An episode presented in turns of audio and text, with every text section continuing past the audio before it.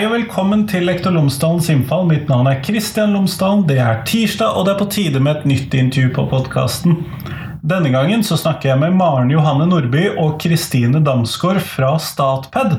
Og vi snakker om skolefravær, ufrivillig skolefravær. Vi snakker om Skolevegring er et begrep som er blitt brukt, men la oss bruke skolefravær i dag. Og vi snakker om nevroutviklingsforstyrrelser. Og det tenker jeg at disse to temaene sammen, der er det noe viktig. For dette er jo en gruppe med elever som eh, kanskje trenger noe annet enn de som har andre årsaker til skolefravær. Sånn at vi snakker om da skolefravær, ufrivillig skolefravær og nevroutviklingsforstyrrelser. Så det er dagens tema på podkasten. Ellers, podkasten er som alltid sponset av Cappelen Dam Utdanning. Og hvis du går inn på tverrfaglig.cdu.no, så finner du alle de ressursene som Cappelen Dam Utdanning har laget i forbindelse med fagfornyelsen i videregående skole. Der finner du dette dreier seg da om selvfølgelig de tverrfaglige temaene, det skjønner du kanskje av navnet, eh, og dreier seg om disse tre temaene i forhold til alle de ulike fagene hvor dette passer inn i videregående skole. Så tverrfaglig.cdu.no, gå inn og sjekk det. Det er mulig at du allerede har tilgang, men det finner du ut. Hvis ikke kan du ta en sånn prøveperiode. Men nå, nå tenker jeg at vi skal få høre Maren Johanne og Kristine. Her får du de, vær så god.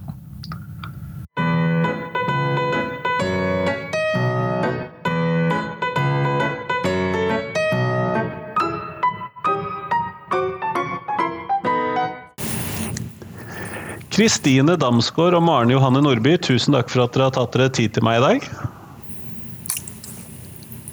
Eh, før vi kommer i gang med selve intervjuet, så hadde jeg håpet at dere kunne fortelle lytterne mine tre ting om dere selv, sånn at de kan få bli litt bedre kjent med dere. Og så da starter vi med deg, Kristine, tenker jeg. Ja. Jeg heter da Kristine Damsgaard, eh, og jeg har en grunnutdanning som førskolelærer, det er lenge siden. Og så har jeg en embetseksamen i spesialpedagogikk. Jeg har jobbet mange år i barnehager og 19 år i ulike PP-tjenester. Og det tredje jeg vil si, det er jo at jeg brenner for disse elevene vi skal snakke om i dag, nemlig elever med nevroutviklingsforstyrrelser. Og da tenker jeg først og fremst på ADHD, Tourettes syndrom og autisme. Og Grunnen til det er jo fordi samfunnet ikke i tilstrekkelig grad synes jeg da, forstår hva disse elevene strever med, og hvorfor skole og livet kan bli så vanskelig for dem. Kjempeflott. Maren Johanne? Ja, da har jeg bestemt meg for å fortelle noe om meg selv, ja, da. Um, og jeg, jeg har hoppet i strikk i Victoria Falls. Jeg har nesten vært millimeter unna å tråkke på en babykobra uh, når jeg var barbeint. Og til slutt, men ikke minst, nå er jeg en kjedelig småbarnsmor som er gift. Så det var et annet liv, de to andre tingene. Ja, jeg ville tro at du er mer stresset for å tråkke på slanger, eventuelt ha småbarn som tråkker på slanger nå i dag.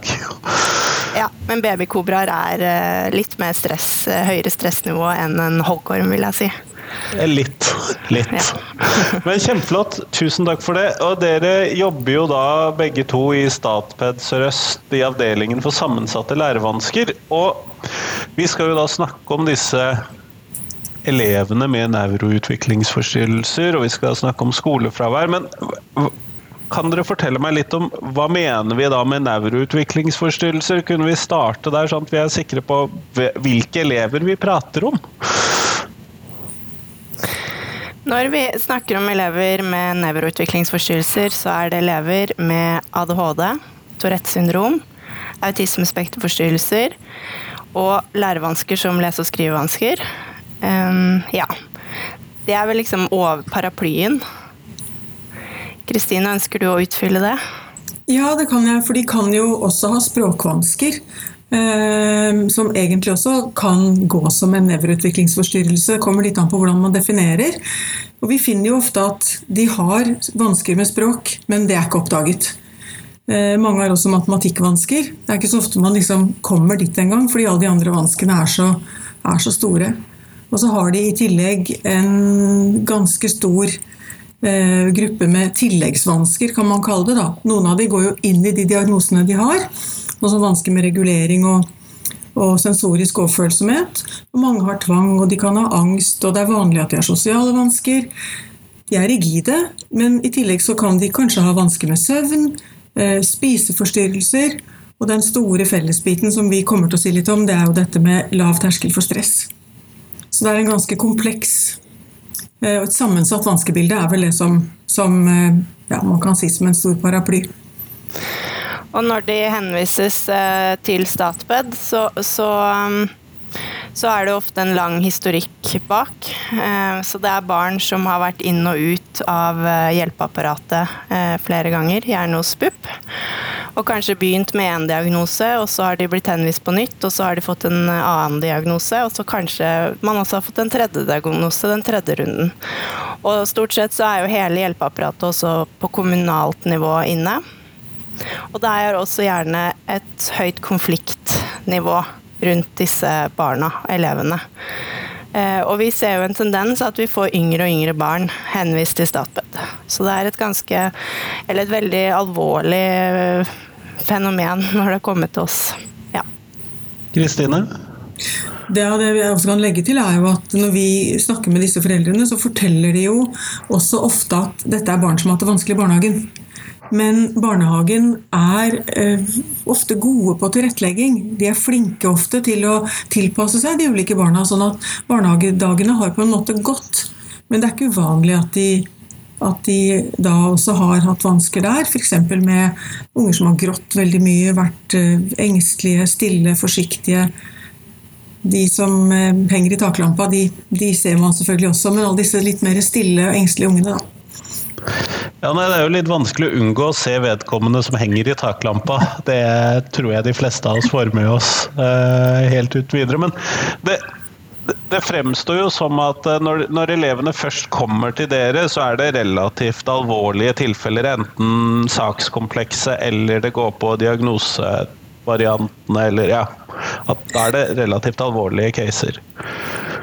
Eh, Maren?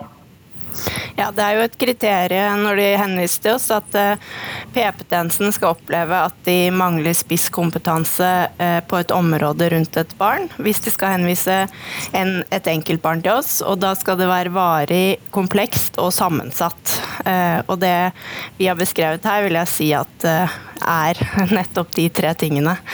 Um, da, men vi har jo PP-tjenester vi har jobba på systemnivå også, hvor vi har kompetansehevet hele PP-tjenesten. Så da um, ivaretar de det jo ofte selv.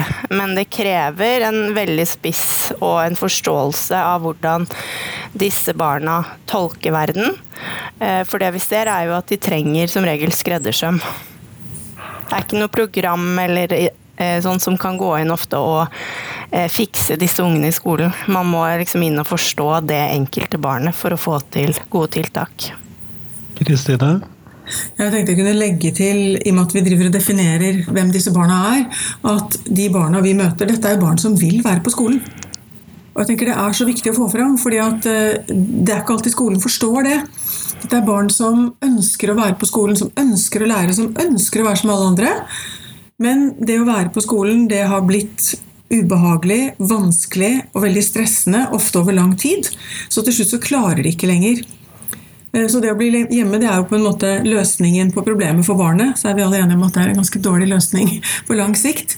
Men det er foresatte som, som strever veldig med å få barna på skolen, og som har en kamp hjemme.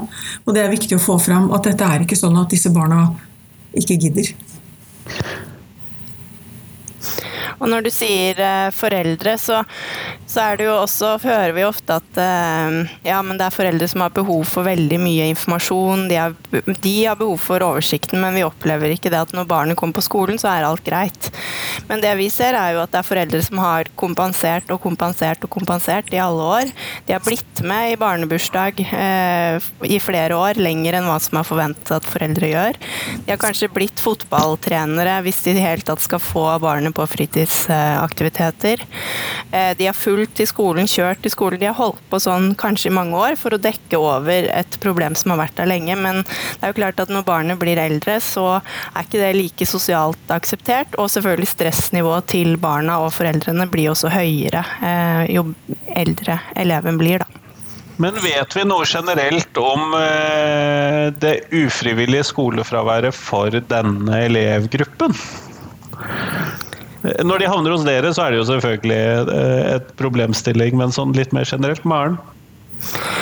Ja, Det er jo ikke mye forskning på det. Eh, jeg vet at du i en tidligere podkast har hatt eh, Ellen Munkhaugen, hvor hun har snakket om skolevegringsproblematikk hos elever med autismespekterforstyrrelser.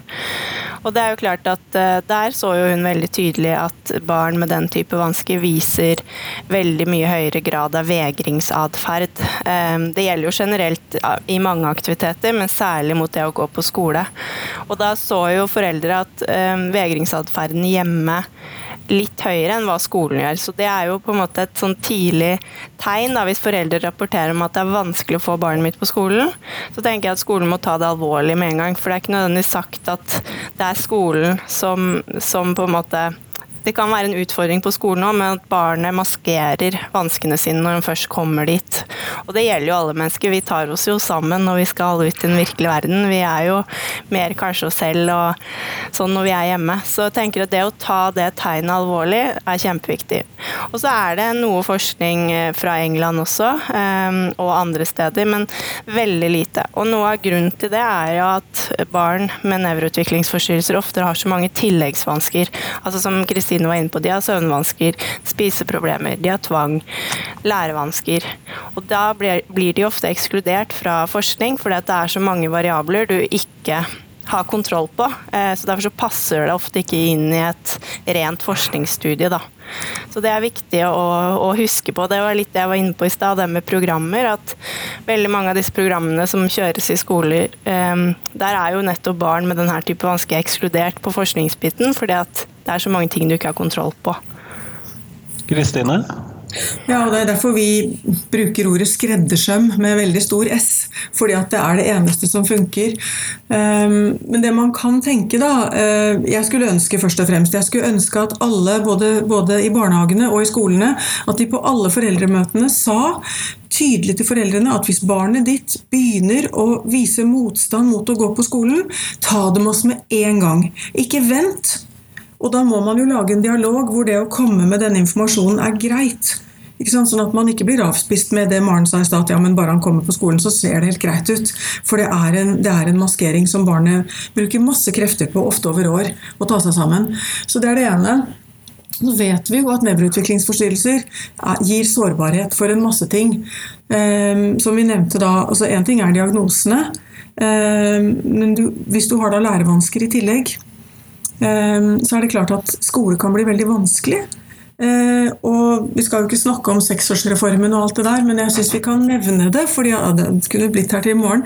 fordi at vi har jo puttet ungene et år tidligere inn på skolen. Og så ble det først sagt at pensum skulle ikke endres, men det har de endret. sånn at det er jo en begynneropplæring nå som, som kommer et år før. Og for denne gruppen elever vi snakker om, som da er umodne, og kanskje mange av dem da født på slutten av året, da, så er de et halvt år yngre i tillegg. De har ikke forutsetninger. Så jeg pleier å si at det blir en mismatch veldig fort for mange av disse barna. Ofte første høsten på skolen, hvor kravene og forventningene som skolen har til eleven, er det ikke mulig for elevene å møte. Og Det kan gjelde det faglige, det kan gjelde det sosiale, og det gjelder veldig ofte dette med egenledelse. Altså hvordan skal jeg styre meg selv? Sitte stille, vente på tur, ikke si det jeg eh, har lyst til å si før det er min tur. Alle disse funksjonene er jo funksjoner som er forsinket ofte hos denne gruppen. Da. Så det blir, det blir en krasj mellom forventninger og muligheter for å levere. Maren? Ja, man har jo noe forskning på det som sier at uh, har du på en måte kun ADHD, så sier man jo at man fungerer 30% dårligere enn den dårligste i normalvariasjonen. Altså, man har jo et spenn. Uh, i normalpopulasjonen også, men at de, den gruppa her fungerer da i hvert fall 30% dårligere enn den dårligste i normalgruppa. Og det vil si, og da vi snakker om dårligere, så handler det om sosiale ferdigheter. Altså de eksekutive funksjonene, altså dirigenten i hjernen. Hvordan hjernen hjelper deg til å få til å gjennomføre komplekse oppgaver.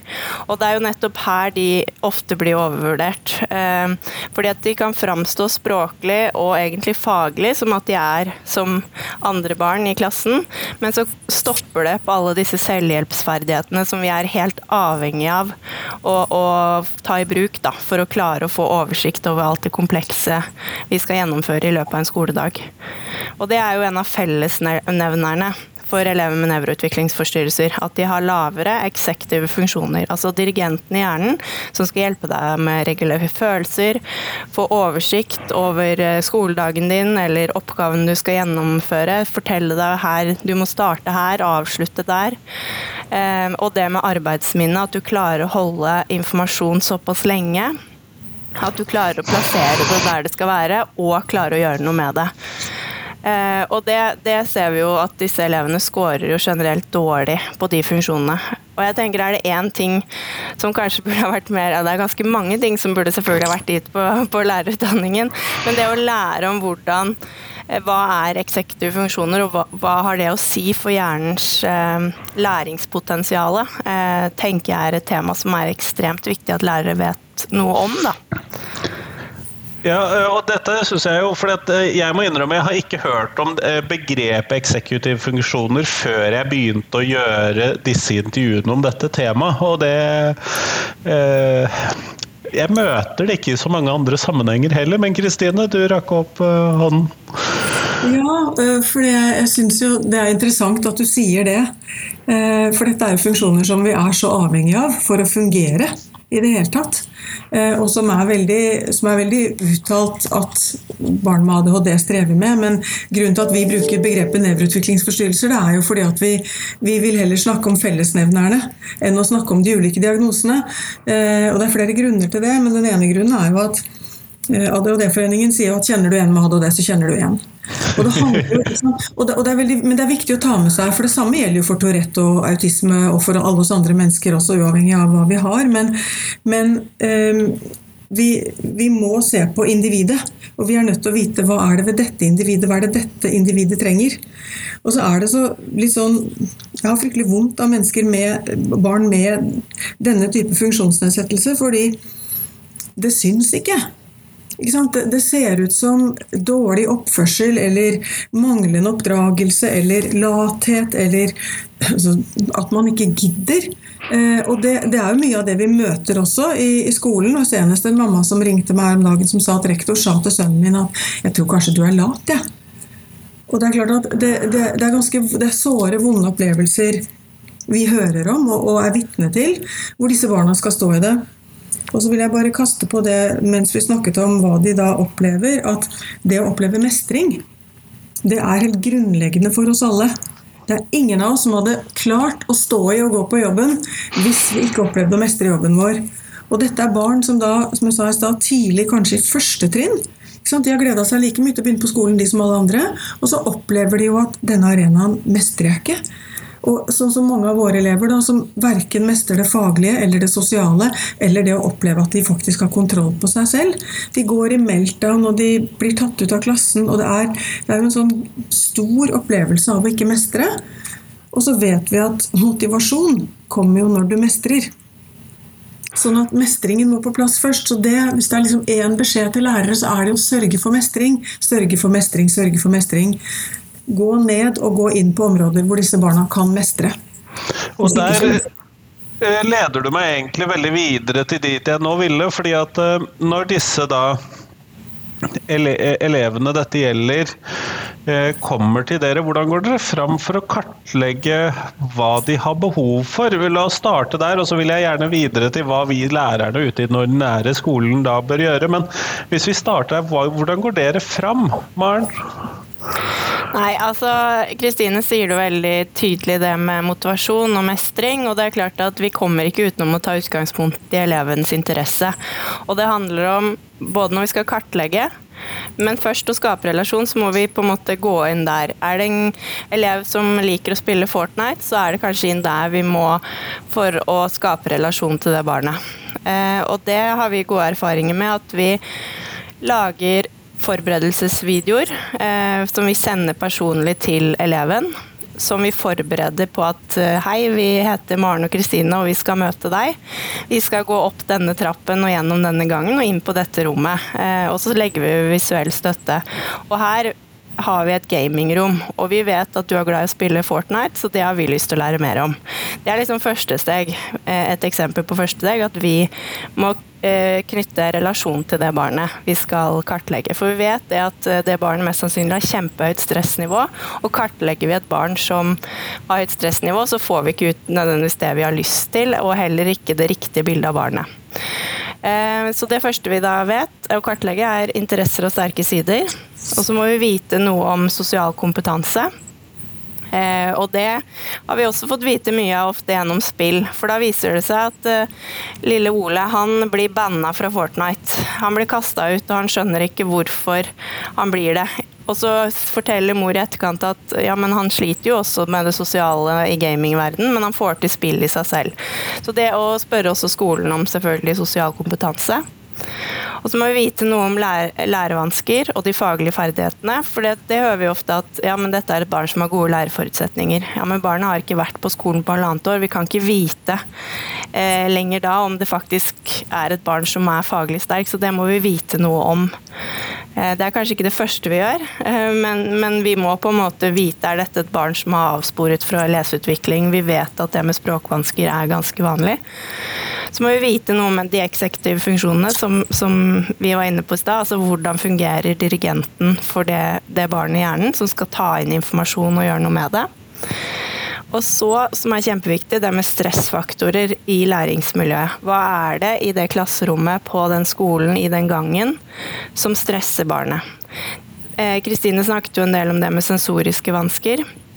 Eh, mange som vi snakker med, sier jo det å være i garderoben på skolen er helt grusomt. Der er det trangt, det lukter mye, folk dulter borti meg, og det gjør så vondt at jeg ikke klarer å være der. Eller du går inn i klasserommet, så skinner Eh, sola på en sånn spesiell måte, sånn at det gjør faktisk vondt i øynene.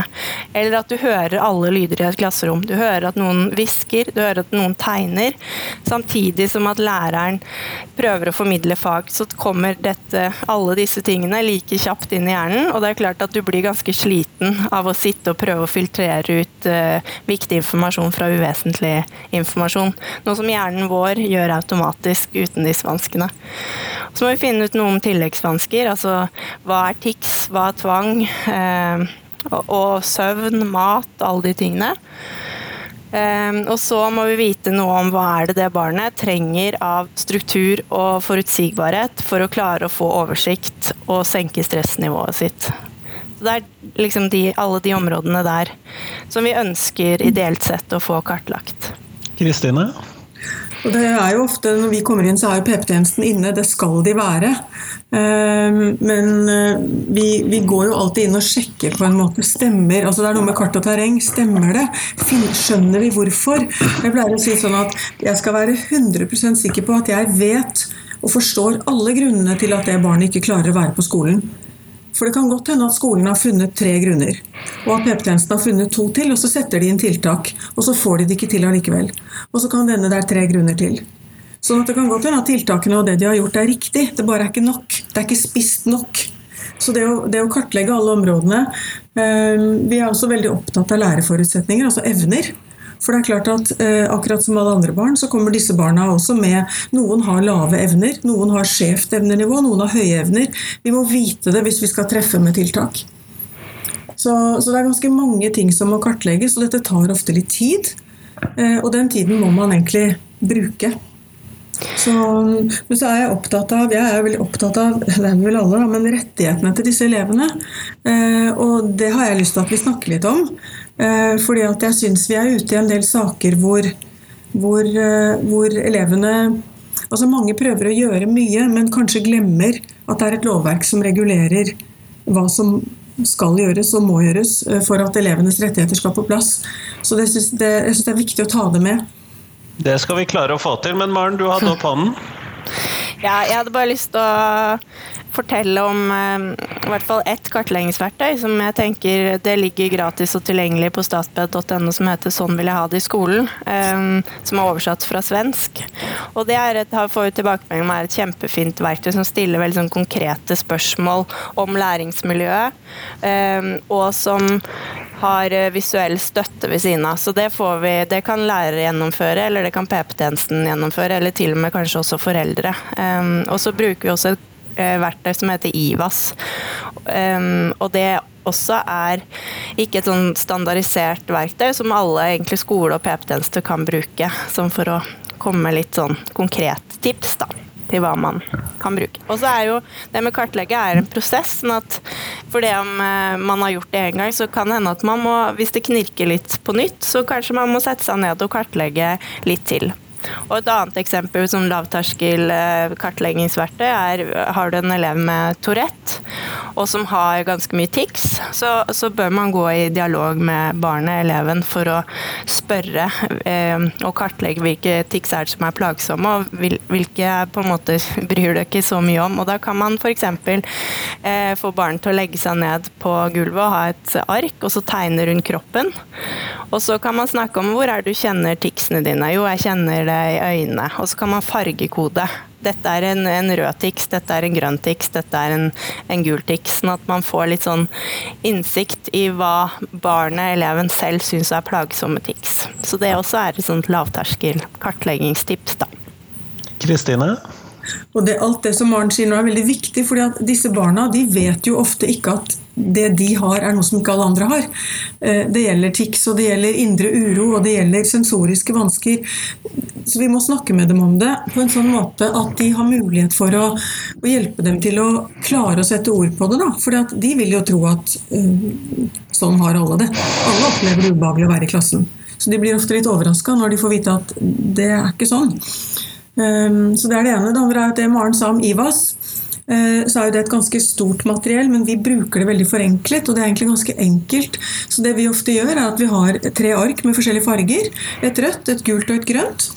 Eh, som vi bare legger på bordet, og Så er det frivillig for eleven da om man vil bruke det, men det er i hvert fall en mulighet ved å si at hvis jeg spør deg om noe som du syns er ubehagelig, ekkelt, vanskelig, som du ikke har lyst til å gjøre, så kan du enten fortelle om det, eller du kan peke på det røde arket. Rødt er på en måte stress, ubehag. Og gult er sånn midt imellom, og grønt er ting som de syns er gøy, eller har lyst til å gjøre mer av, eller syns de er flinke til.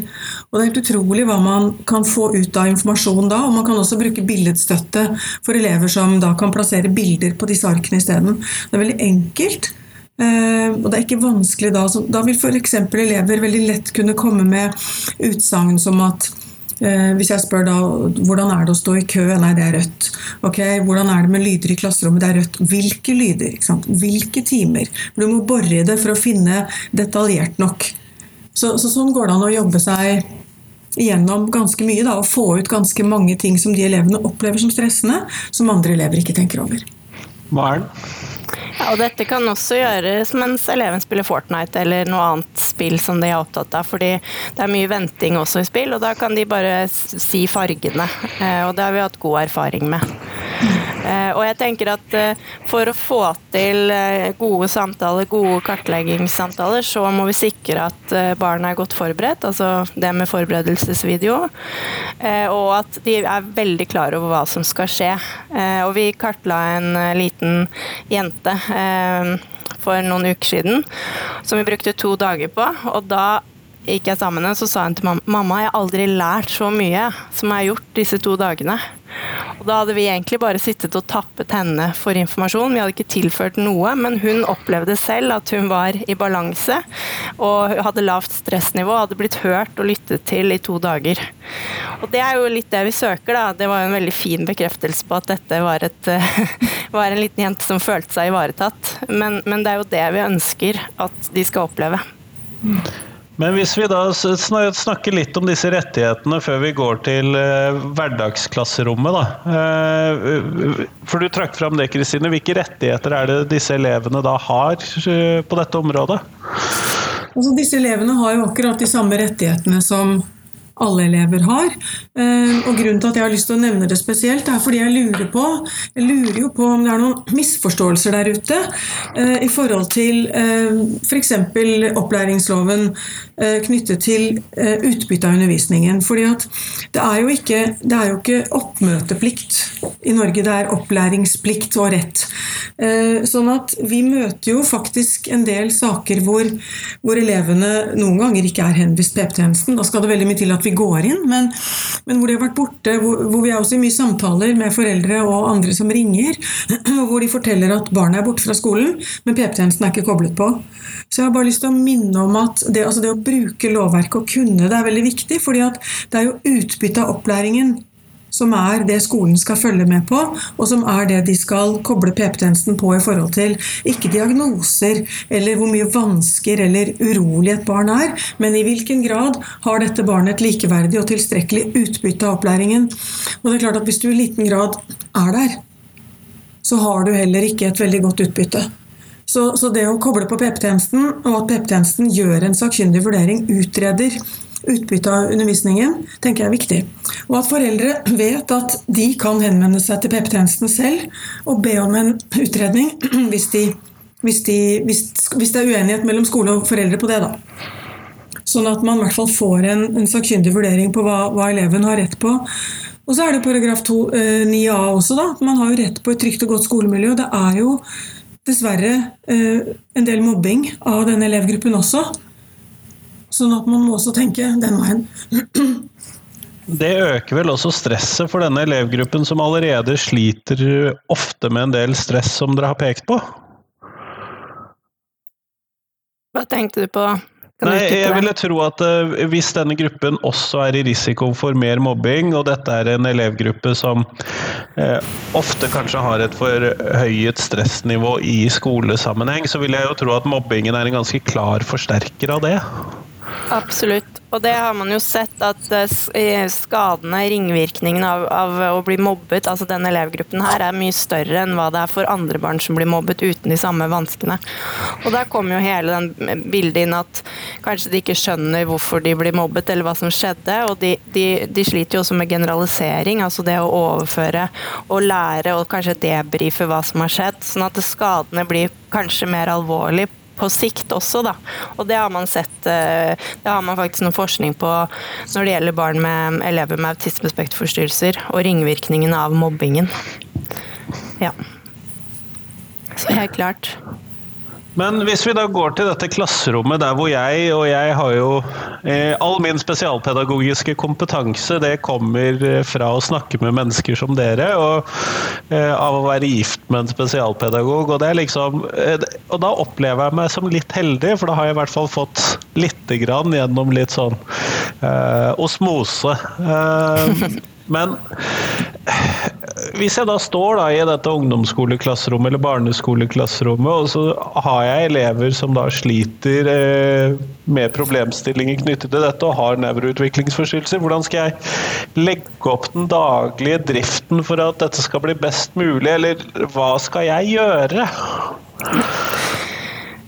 Jeg tenker at uh, hvis du er så heldig at uh, denne ungdommen er i klasserommet, og du opplever at, uh, at det opplever mestring der og har det godt i klasserommet ditt, så, så tenker jeg at da, da, gjør du mye riktig. for det kommer ganske tydelig frem at fungerer det ikke i klasserommet, så er det klart at da trekker de seg enten på grupperom, er masse på do eller blir hjemme. Eh, og det har vært en del skoler i Sverige nå som bygger opp faktisk hele læringsmiljøet etter elever med nevroutviklingsforstyrrelser. Og det vi vet at de trenger, er jo struktur og forutsigbarhet. Men det vi ser, er jo at skolen kanskje ikke alltid helt skjønner hva struktur og forutsigbarhet er. Det står i sakkyndig vurdering at dette barnet trenger struktur og forutsigbarhet. Men hva betyr det? Eh, og da har vi noen litt sånn huskeregler, da.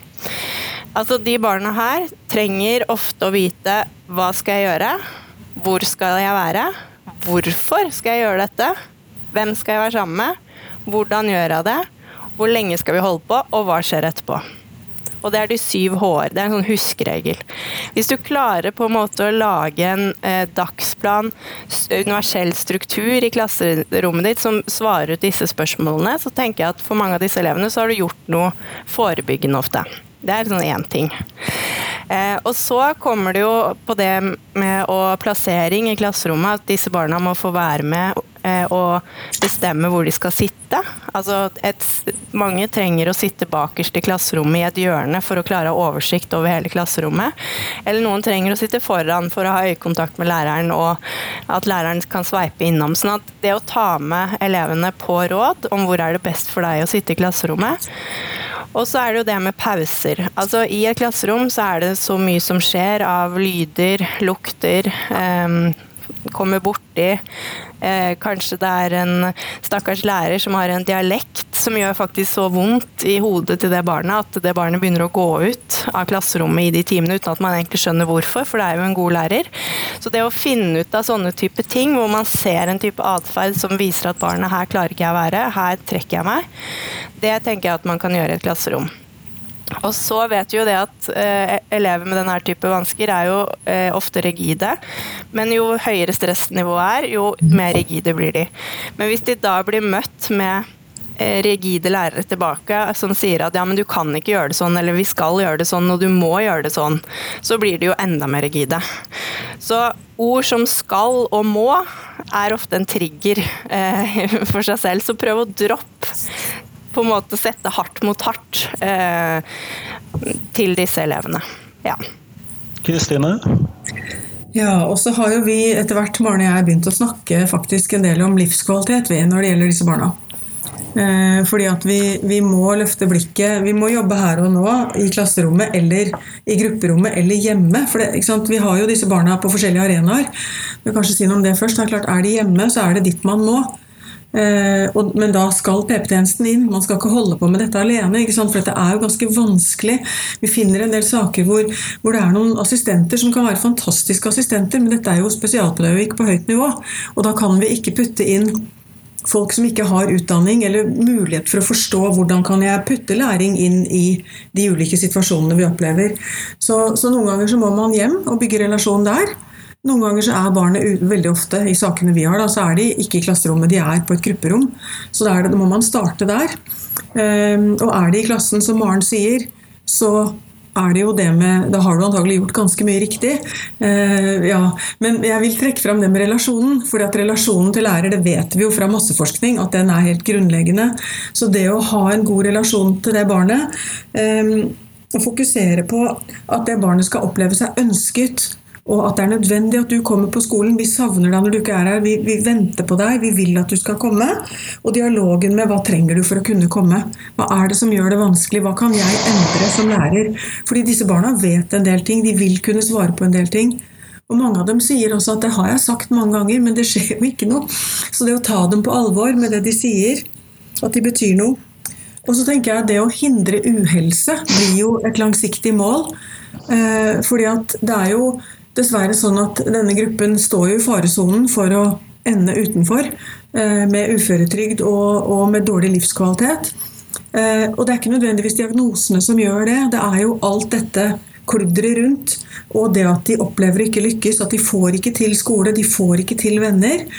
Eh, sånn at det å, det å tenke livskvalitet Hva skal til for å få et godt liv for dette barnet? Og her må vi ha foreldrene tett med. ikke sant? Ehm, og selvfølgelig eleven. Og igjen så er jo interesser og sterke sider gullet i å tenke hva, hva kan vi jobbe med? Hvordan skal vi jobbe, hva kan vi få til? Og hvor skal dette barnet? Hva kan, hva kan bli et godt liv? Maren Johanne? Ja, så Derfor så stiller alltid Kristine og jeg to spørsmål når vi starter opp saker. Det er hva skal til for å skape et godt liv for denne eleven, og hva må han lære for å få til det.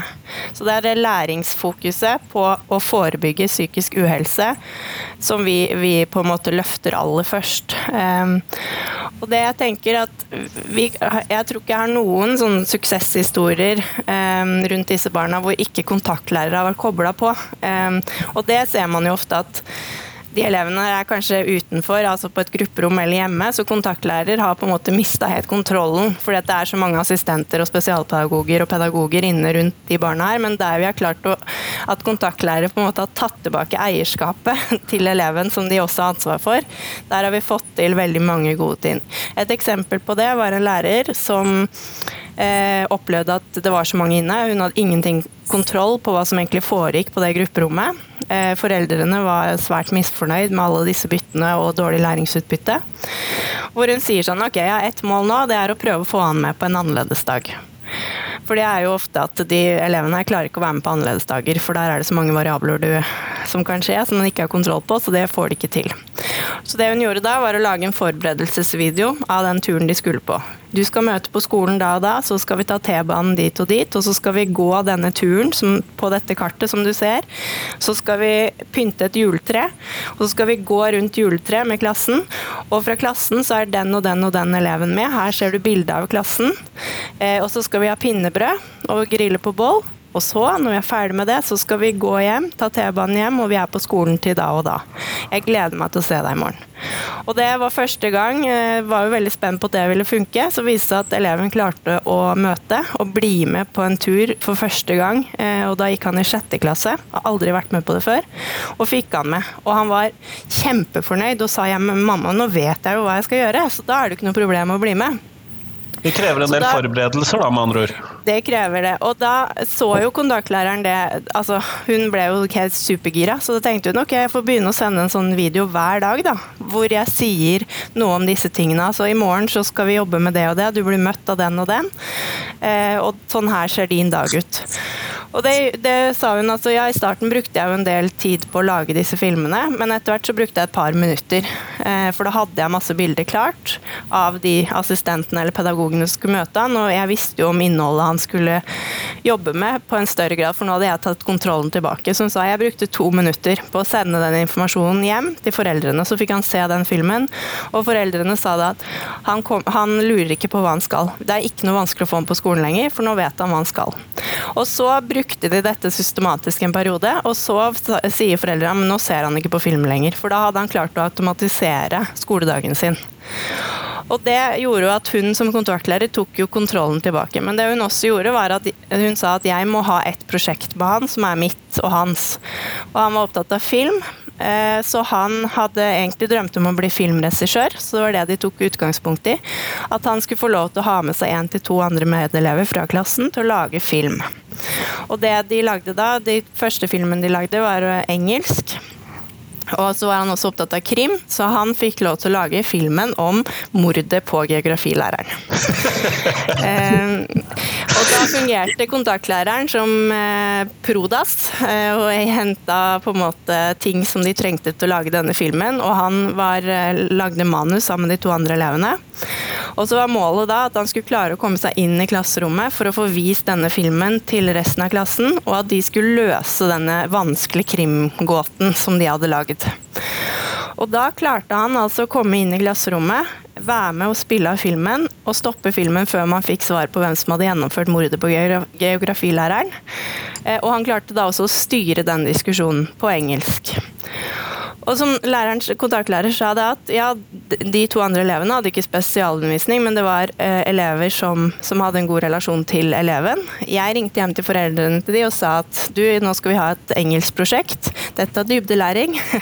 Det er knyttet opp til disse og disse læringsmålene. Er det greit at Per og Pål er med den andre eleven på det? Ja ja, selvfølgelig, sier da foreldrene. Og sånn jobbet de gjennom flere fag med han. At han fikk lage filmer, var produsert produsent og fikk med seg medelever inn. For meg så er dette faglig inkludering og sosial inkludering av elever som kanskje ikke har godt av å være i klasserom hele tiden, men som trenger noe på utsiden. Men de er påkobla både sosialt med medelever, og de er også påkobla faglig eh, det som foregår i klasserommet. Og de får bidra inn med en faglig stemme. Um, og vi har også et annet eksempel hvor, hvor skolen oppretta en YouTube-kanal til eleven. Hvor han fikk lov til å bygge en borg eh, som var eh, Ronja Røverdatter og Borka-røvernes borg eh, i spillet Planet Coaster. Og hvor klassen hadde om Astrid Lindgren og, eh, og, på en måte skulle fordype seg i det. Og det hadde han også, så han fordypet seg da i, i, den og fikk lov til å bygge en borg. Og så ble den filmen vist når de andre sto foran klassen og hadde gjennomgang av prosjektet de hadde hatt. Så ble hans YouTube-film og presentasjon av borgen vist i klasserommet. Så det å tenke på en måte faglig og sosial inkludering på en annerledes måte, eh, tenker vi er nyttig for disse elevene. At man tar utgangspunkt i elevens interesse først, og så bygger man fag rundt. Og så prøver man å koble det på et tema som også resten av klassen skal ha. Og hvor målet er også at eleven skal få lov til å lage et produkt som kan bli vist for klassen som slutt. Ja. Kristine? Ja, Maren har mange sånne gode eksempler. Um, og det, jeg tenker at de fleste av de elevene vi møter, de har jo De har uh, interesser og sterke sider. Um, og når vi da sier til skolen at her må vi tenke utenfor boksen, uh, så tror jeg nok at vi må være flinkere også til å vise dem de eksemplene. For jeg tror det er vanskelig for mange lærere å tenke helt akkurat hvordan de skal gjøre det. Um, for det, det, det, finnes jo så mye man kan putte læring inn i. Det er også derfor vi er opptatt av at vi må ha, med, altså vi må ha lærere som da kan gjenkjenne læringsaktiviteter i ulike aktiviteter. Og vi tenker jo at om det er um, det ene eller det andre eh, elevene er opptatt av, vi jobber jo med elever som er opptatt av alt fra skolehager til, til dyrehold, til hester, til, til uh, de gamle romerne eller til norrøn mytologi. Det er jo ingen grense for hva du kan bruke. Du må bare kartlegge de interessene den eleven har, fordi at da er det så mye lettere å få dem, få dem aktivert og få dem med. Da syns de det er gøy, og de føler at det er trygt, for det er noe de kan noe om. Og så kommer disse syv H-ene. Um, og det, det tenker vi også er viktig å si det en gang til, fordi at som Maren sa, forutsigbarhet og struktur. Det er ikke bare å få en ukeplan. Ofte så kommer det da en ukeplan hvor det står noen punkter. Men for denne gruppen så er ikke det nok. Det må være mye mer detaljert knyttet til, som Maren sa, de syv H-ene, som svarer ut hva skal jeg gjøre, helt konkret. Og hvor lenge skal det vare, og hvor er jeg da, hvem er jeg sammen med? Alle disse tingene. Og hvorfor skal jeg lære dette? Altså, det glemmer man ofte. Eh, det, og det glemmer man jo sikkert generelt. Det står i læreplanen, da. Det står i læreplanen. Eh, men det å beskrive det ordentlig, eh, sånn at det gir mening også for disse elevene, tenker vi er kjempe, kjempeviktig. Men Kristine, noen av disse tiltakene som jeg hører at dere snakker om, f.eks. dette med disse videoene som lærerne sender hjem, eller den typen arbeid det høres jo ut som hva skal vi kalle det, at det er litt ressurskrevende, da. Kristine? Jeg opplever nok at uh, disse elevene er ressurskrevende, punktum. Sånn at uh, jeg syns jeg har vondt av lærerne, for de holder jo på uh, med møte på møte på møte på møte, og referater og referater og planer og planer og planer som ikke funker. Eh, så det å da tørre å gå utafor den boksen, gå utafor sin egen komfortsone For vi er, veldig, vi er, jo opptatt av at vi vil at barna skal tørre å gå utenfor egen komfortsone. Og da tenker jeg vi må tørre det selv også. Eh, så det, de filmene Maren snakker om, det er egentlig ikke vanskelige ting. Eh, det er jo å enten ta opp en film, bare altså bruke eh, smarttelefonen, eller gå i en av appene hvor det går an å lage en film. Og du kan jo ta da bilder, du plukker jo bilder fra ditt eget arkiv, så du tar bare bildene først, og du tenker ut hva er det jeg, er det jeg trenger å si til denne eleven. Ja, jo, jeg skal svare ut i syv hånd, og da må jeg si hvor du skal, jeg må si hva du skal gjøre, og så putter jeg inn bilder. Så det tar kanskje bitte lite grann tid de første gangene, som Maren sier, men det går etter hvert veldig fort. Og det som er helt skummelt, er jo hvor stor virkning det har. At Vi får tilbake historier fra foreldre som sier at han satt og så på filmen fem-seks ganger. Om igjen og om igjen og om igjen. Og det er så stort behov de har for å få på plass hva er det som egentlig skal skje. Så jeg tror vi undervurderer ofte hvor detaljert de trenger å få det. Og måten å få greie på det er jo også å snakke mer med eleven. Det må vi også ta med. Det der med, med, med Barnekonvensjonen er jo veldig tydelig på det, at vi skal høre eleven. Vi er i en del møter hvor, hvor, hvor ingen har snakka ordentlig med dem. Eh, så, så, det må, må jeg også poengtere at det å, det å bygge en relasjon til disse barna, faktisk snakke med dem, ta dem med De vet veldig mye om hva, hva som stresser dem, og hva de trenger. Jeg tenker, Du snakket om det med ressurskrevende, og jeg tenker at dette må være forankra i ledelsen. Eh, man kommer ingen vei uten å ha med seg ledelsen på, på, rundt disse barna. Og jeg tror også dessverre at de barna her skaper ganske mye røde tall eh, rundt omkring på skoler, økonomisk sett. Eh, og Noen ganger sier jeg at det bør nesten være et mål, for har de ikke røde tall rundt disse ungene, så, så, er, så treffer heller ikke tiltakene. Og jeg vet jo at rektorer er bundet på tær og føtter når det gjelder gjelder eh, hvilke rammer de skal jobbe etter. Men, men, det er jo klart at dette er Noen steder så jobber vi helt på oppvekstsjefnivå. fordi at det jeg pleier å si, er at hvis ikke vi gjør noe nå, så blir de elevene her mest sannsynlig en del av den negative statistikken. De blir enten tidlig ufør, som dette er en gruppe Nav er mest bekymra for når det gjelder tidlig ufør, at de nærmest får det i 18-årsgave. Og det er jo helt forferdelig, for de her har jo kjempegode læreforutsetninger og kan jo bli en netto bidragsyter til samfunnet vårt. Eh, men de tar også opp boliger eh, som egentlig er ment for mennesker som, større, altså som er psykisk utviklingshemmede i kommunene. Så det å på en måte bevisstgjøre kommunene kommunene på at hvis ikke vi gjør noe nå, så vil de her elevene mest sannsynlig havne i den negative statistikken. Men med, god, med gode lærere, gode relasjoner, med læringsaktiviteter som er meningsfulle, og hvor vi klarer å, å forebygge psykisk uhelse, så har de elevene godt potensial til, til, å bidra. Og det er det vi må løfte allerede når eleven går i femte klasse eller går på ungdomsskolen. Fordi er det noe vi vet koster, så er det utenforskap.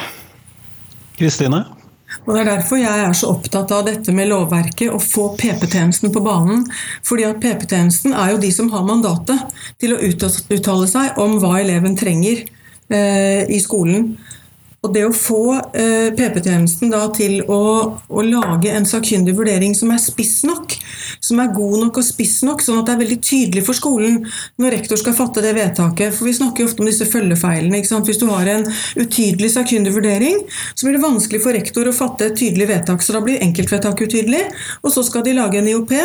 Hva skal de egentlig gjøre?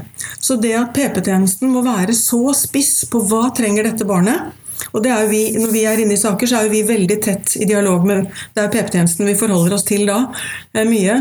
I forhold til å samsnakke ok, hva er det egentlig som må til. Og så er det selvfølgelig da også å, å, informere foreldrene om deres Det er jo de som er barnets advokat, som kan være den som kan påklage og følge med. Hva skal du følge med på? Hva, hvor, er, hvor, er, dine rettigheter som mor og far i forhold til å ivareta barnet ditt? Og Dette tenker jeg vi må gjøre mer av. Eh, fordi at skolen de må ha ressurser for å få til dette. Vi får, ikke, vi får ikke et barn tilbake på skolen hvis det er en assistent som står alene med dette. Kjempeflott. Vi går rett og slett mot slutten av tiden vi har i dag. Og da skal jeg stille dere det spørsmålet som jeg har stilt til uh, alle en ganske god stund nå. Det er hva er de viktigste tre tingene skolen kan lære elevene? Og da starter jeg med deg, Kristine. Ja, da har jeg vel egentlig lyst til å si at eh, det, det, vet jeg ikke om jeg kan svare på. For jeg vil jo heller si at hvis ikke skolen klarer å bygge relasjon til de elevene, så får de ikke lært dem noe. De må i posisjon, og det, da må de bygge relasjon. Så det vil jeg starte med da å si at bygg relasjon til den eleven.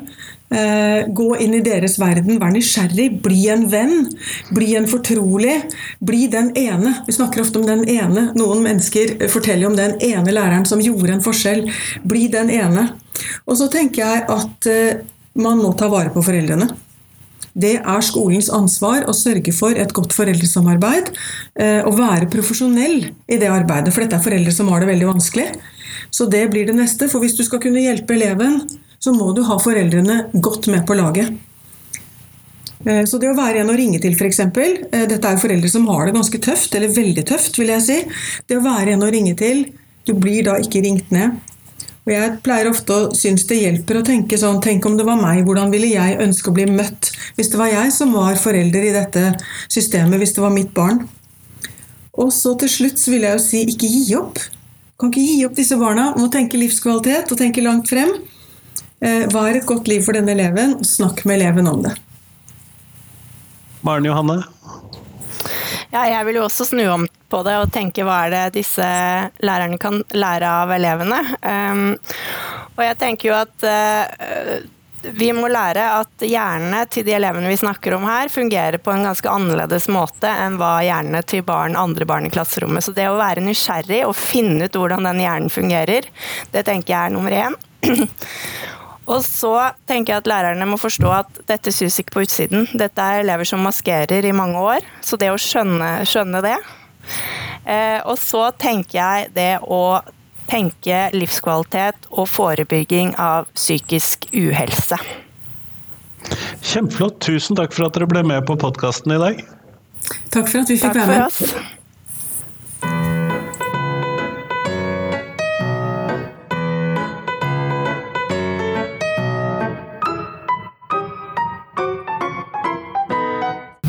Tusen takk til deg som hørte på, og tusen takk til Maren Johanne og Kristine. Og selvfølgelig, jeg håper at du deler denne podkastepisoden med noen som du tror vil sette pris på den, eller noen som vil sette pris på podkasten i seg selv. Ellers, jeg er jo som alltid utkikk etter nye temaer å ta opp på podkasten. Jeg kan jo ikke finne på alt selv, dette har jeg sagt tusen ganger før, og jeg blir kjempeglad for de innspillene jeg får til temaet. Jeg prøver å oppfylle de temaene. Sånn at send meg ting hvis det er noe du tenker at jeg bør lage intervju om. Noen ting tar kanskje en uke, noen ting tar et år. Noen ting tar strengt tatt tre år også, har jeg oppdaget, men ting skjer i hvert fall. Så send meg tips hvis du skulle ha det. Det blir jeg veldig glad for. Ha en fin uke. Hei, hei.